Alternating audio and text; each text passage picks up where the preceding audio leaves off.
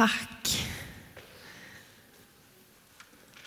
Idag är det ju tredje advent och det är en vecka kvar tills det är någon som fyller år. Är det någon som fyller år om en vecka? Moses? Ja, Moses fyller år om en vecka. Grattis i förskott. Det var inte riktigt han jag tänkte på. Är det någon här inne som vet vem som fyller år om en vecka? Vet du? Ja, Jesus. Om en vecka så är det Jesus födelsedag. Och det är det vi firar fjärde advent. Och det är det som vi får fira nu innan jul också. Att Jesus fyller år. Det är hans födelsedag. Han föddes på julafton.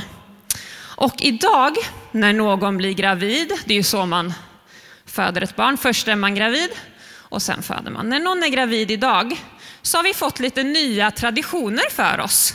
Eller traditioner, lite nya sätt att fira att man ska föda barn. Och då börjar det med att man ska ha en baby shower. Någon som har hört talas om baby shower? Några stycken, kanske till och med haft. Då är det så att man träffas, oftast tjejerna eh, och mamman, och så firar man att mamman är gravid och så ger man henne presenter. Man kanske köper en tårta i form av blöjor och eh, så leker man lite lekar och så. Det är det första som händer, man har en baby shower. Och sen, något ännu nyare än baby shower, det är gender reveal. Gender betyder kön, reveal, alltså visa, alltså man berättar vilket kön barnet ska få. Det kan man göra på massa olika sätt. Man kan ta en ballong och så under den här festen, då, det här är också en fest, så smäller man ballongen och kommer det ut rosa konfetti så är det en tjej och kommer det ut blått konfetti så är det en kille.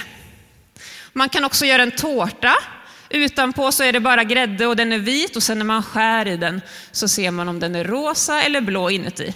Så får man reda på om barnet i magen är en pojke eller en flicka. Det har vi också för oss idag. Gender reveal. Så går det till idag. Tror ni att det var så för Maria när hon väntade Jesus? Hur var det för Maria? Hade hon någon aning om vem som fanns i hennes mage? Visste hon vem det var som hon väntade på? I Gamla Testamentet så finns det ju profeter som får tilltal från Gud. Och en av dem är Jesaja. Och vi ska läsa i hans bok i Gamla Testamentet om vad han säger om Jesus. I kapitel 7, vers 14 så står det så här. Därför ska Herren själv ge er ett tecken. Se, jungfrun ska bli havande och föda en son och hon ska ge honom namnet Emanuel.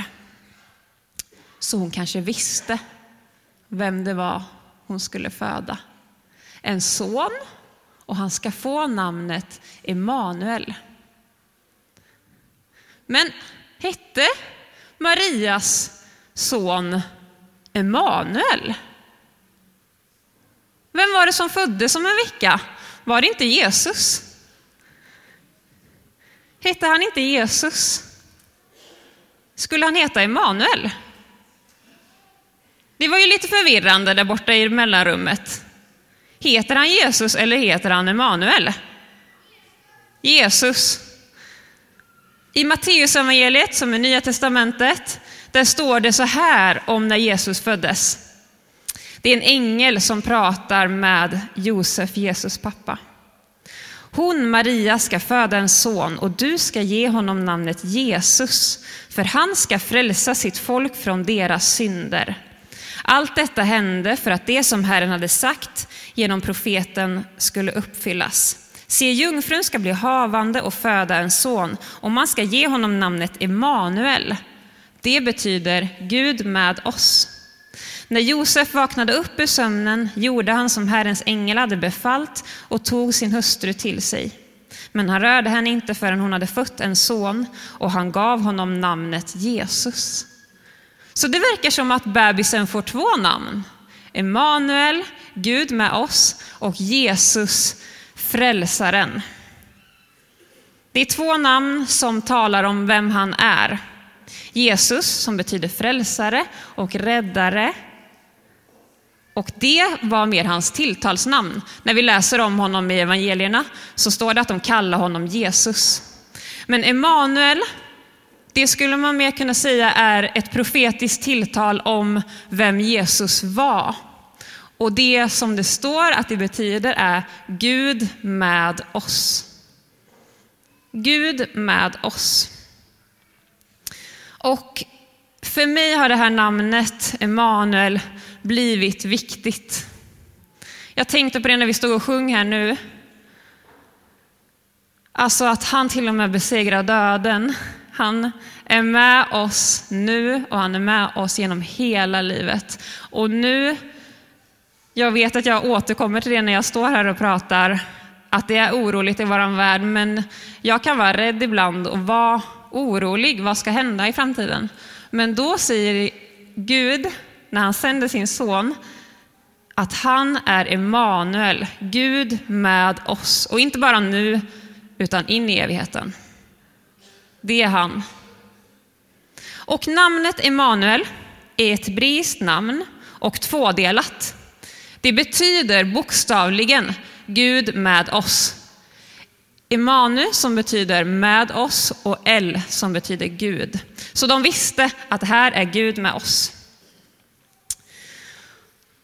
Och Gud är en Gud som inte står på avstånd och nickar. Som står på avstånd och ropar Linnea, gör så här. Linnea, gå dit bort. Linnea, jag är med dig. Det är inte Gud. Emanuel betyder Gud med oss. Med oss. Och han var människa. Han levde på jorden precis som oss. Och det här kan vi se på massa olika sätt i Bibeln. Han föddes av en människa, precis som vi såg förra veckan, att han föddes av en människa i ett stall. I Lukas kapitel 2, vers 67, en del av julevangeliet som vi läser nu kring jul, där står det så här. Medan de befann sig där var tiden inne för henne att föda och hon födde en son, den förstfödde. Hon lindade honom och la honom i en krubba eftersom det inte fanns plats för dem i gästrummet. Jesus föddes som ett vanligt barn av en vanlig människa. Han blev människa. Jesus åt mat. I Lukas 7.36 så står det så här. En av fariseerna bjöd hem Jesus på en måltid och han gick hem till farisén och la sig till bords. Jesus var människa, han åt mat. Troligen så var han snickare, hade ett yrke och han hade ett hem. Det står att han bosatte sig i en stad som hette Nasaret. Så Jesus levde som oss och blev människa och han var verkligen Gud med oss. Han levde på våran jord här. På vårat jordklot. Och i Filipperbrevet 2 och 7 så står det, nej, han gav avkall på allt det och antog en tjänares gestalt när han blev människa och blev människornas lik. Så han levde som människorna då, vilket gör att han kan förstå dig och mig och det vi lever i idag.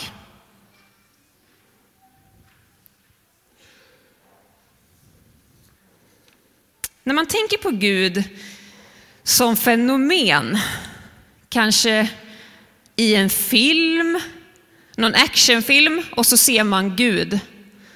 Då kanske man tänker Gud som någon som är riktigt långt borta, som så här, sträcker ut sina händer och skickar iväg kraft ner till jorden, som är avlägsen. Och människorna får ropa på Gud för att det liksom ska nå fram. Men det är inte den guden vi tror på. Våran Gud är någonting annat. Våran Gud är Gud med oss. I Jesus Kristus så får Gud själv erfara hur det är att vara människa.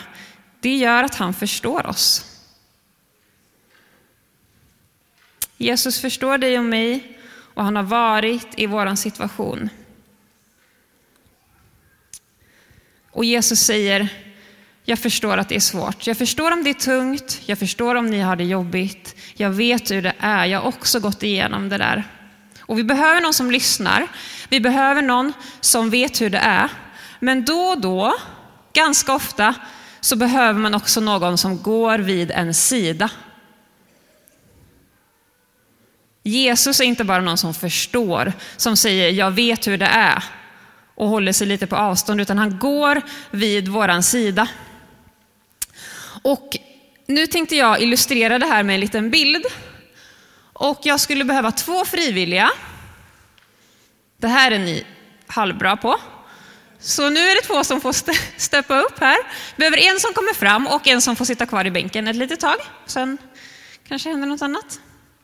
Har vi två? Greta, toppen. Du får komma fram. Ställa dig här vid Duplobordet. Sen behöver jag en frivillig till.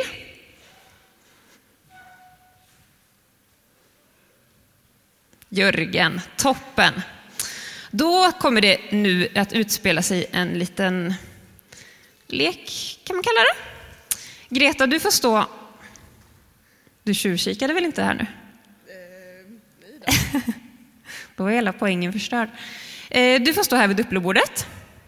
Och Jörgen kommer få två bilder av mig på det som Greta ska bygga.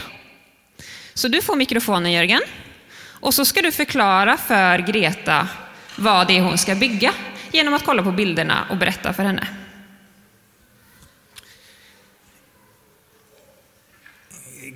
Grön botten. Och sen är det... Ja, du har tagit den bilden istället. Okej, då tar vi den första. Och sen så är det ett grönt lager som ett är det två långsidor eller är det ett U? Lite svårt att se. Två gröna streck som bottenlager mitt emot varandra. Och sen så på dem så sätter Är det tydligt? Nej. Och sen sätter du ett gult lager uppe på dem. Det är som två väggar mot varandra. Tänk dig en passage. Det ska vara en gång som man kan gå igenom. Sen ett gult lager, ja. Och sen ett rött lager uppe på det. Och sen är det ett blått tak som sträcker sig över de där bitarna. Det är tre blåa bitar. Alltså jag tänker så här, visa upp vad du har gjort för alla här. Det har ju gått helt okej. Okay.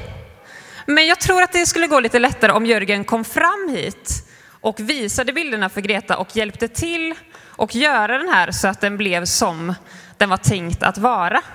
Ja, fast det är ganska nära. Du är ganska duktig Greta. Ska, ska jag berätta nu vad du ska göra här? Mm, du är lite där. Lite fel håll, ja. Jag tänkte, hur noga kan det vara, tänkte jag.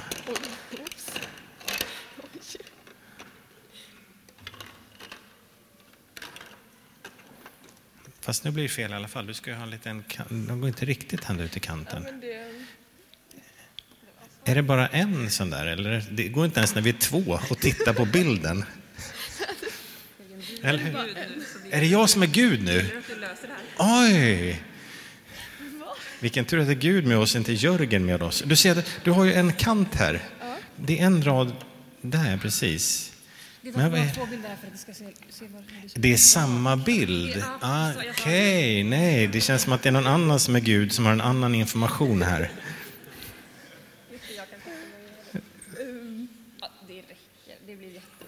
Greta var jätteduktig. Heja Greta! En applåd för Greta! Tack. Jag började med att göra ett lite större torn, eller liksom ett rejält hus. Och Josef sa, det där är nog lite svårt. Sen gjorde jag det enklaste jag kunde. Men det gick inte heller. Men bra jobbat! Jättebra.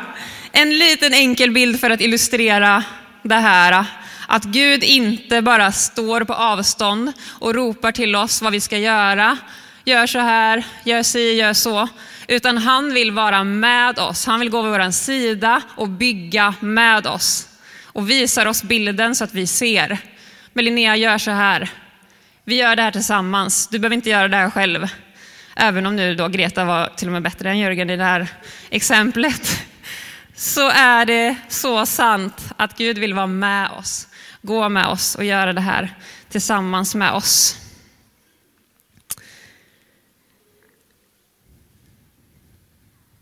Och innan Jesus föddes, på Gamla Testamentets tid, så var relationen mellan Gud och människa någonting annat. Gud var mer på avstånd. Han hade sitt hem i templet och Gud var mer på avstånd. Och människan behövde offra för att sona sina synder, för att kunna komma nära Gud. Och sen i den här traditionen, där de lever med Gud i templet, så får Maria reda på att barnet ska heta Emanuel, Gud med oss. Vilken kontrast att Gud väljer att komma nära sitt folk. Och sen så vill jag också säga att det står inte Gud, eller Emanuel betyder inte Gud med mig, utan det betyder Gud med oss. Han älskar sitt folk, han älskar oss. Det är inte Gud med mig, utan Gud med oss. Och här kanske skulle predik... Här kanske predikan skulle kunna vara slut. Vilket fint budskap att Gud är med oss. Men vem är det som går med? Vem är det som är Gud med oss? Jag tror inte kanske, eller det vet jag inte, men jag tänker att Gud inte är nöjd med att bara gå med, att gå vid våran sida. Utan jag tror att han vill liksom bygga med oss. Han vill vara Gud i våra liv. Han vill vara Gud med oss, inte bara med oss. Det är en skillnad på att tro att Gud går med i vardagen och att faktiskt räkna med hans kraft i vardagen.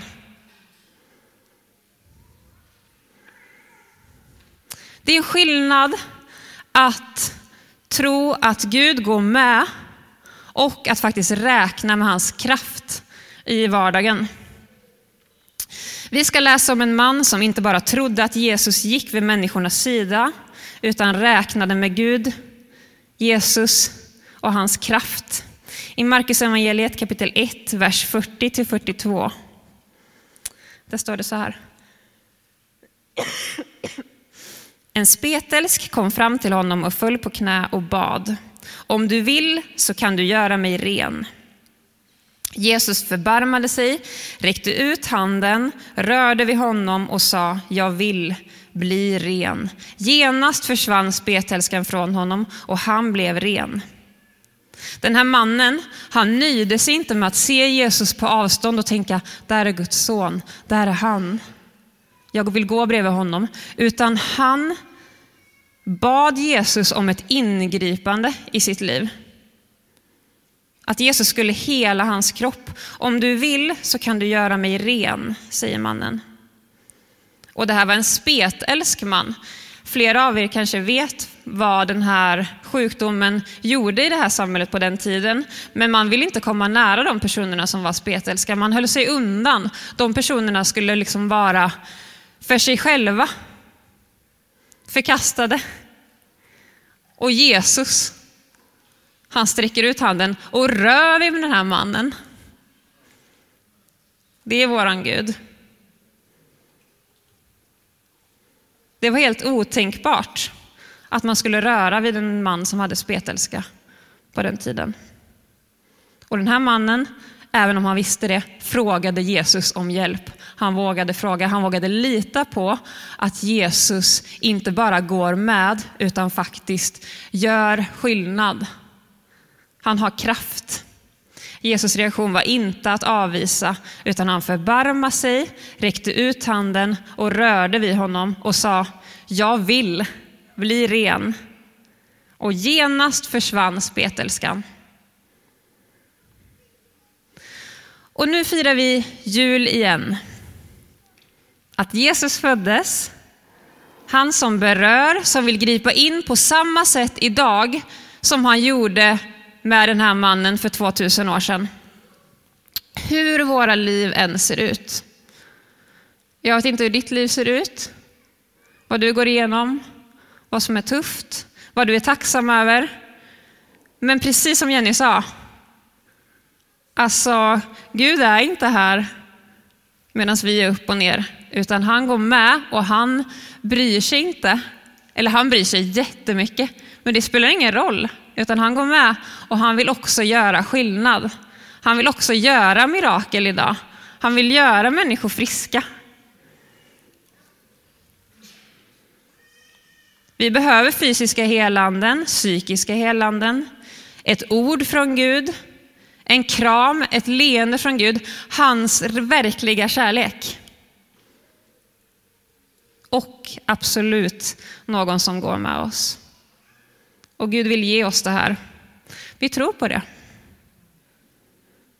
Att när vi ber för varandra så får människor bli friska. I Bibeln så står det om att Jesus gjorde jättemånga övernaturliga saker som ingen kan förklara på något annat sätt än genom att säga att det är genom Guds kraft. Han gick på vatten. Han förvandlade vatten till vin. Han multiplicerade bröd och fisk. Och han gjorde människor friska. Han gjorde mirakler i människors liv. Han var Gud med sitt folk. Och han vill vara det här idag också, i ditt och mitt liv.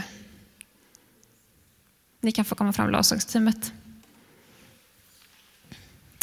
Men Jesus, han tränger sig inte på. Han kommer liksom inte tränga sig på, utan han vill att du, precis som den här spetälska mannen, kommer till honom och säger, jag vill bli frisk. Jesus, hjälp mig.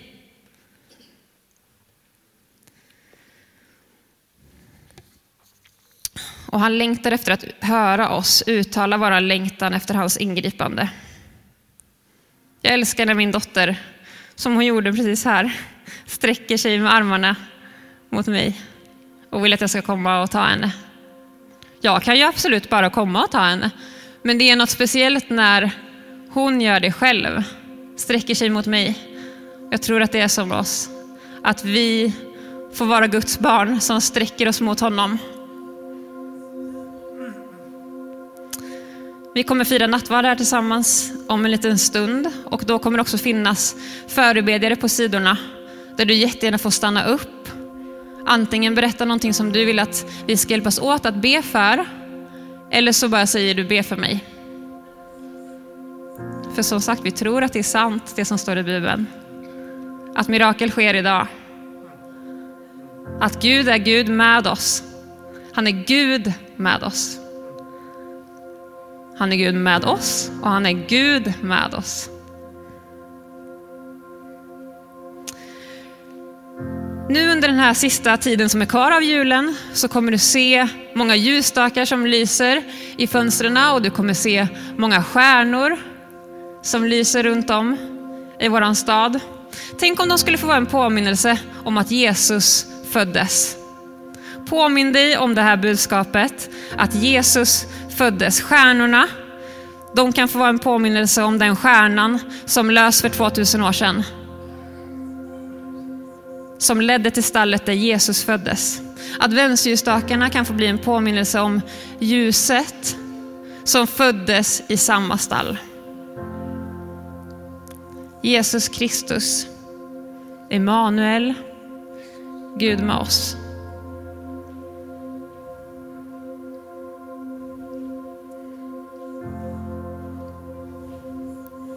Tack Jesus. Att du har kommit till våran värld. Att du är Gud med oss. Att du älskar oss. Att du ser oss, att du vet precis vad vi går igenom när vi går igenom tuffa saker. Att du också gläds med oss i tacksamhet över stora saker som händer. Och vi vill sträcka oss mot dig. Tack för att vi får vara dina barn.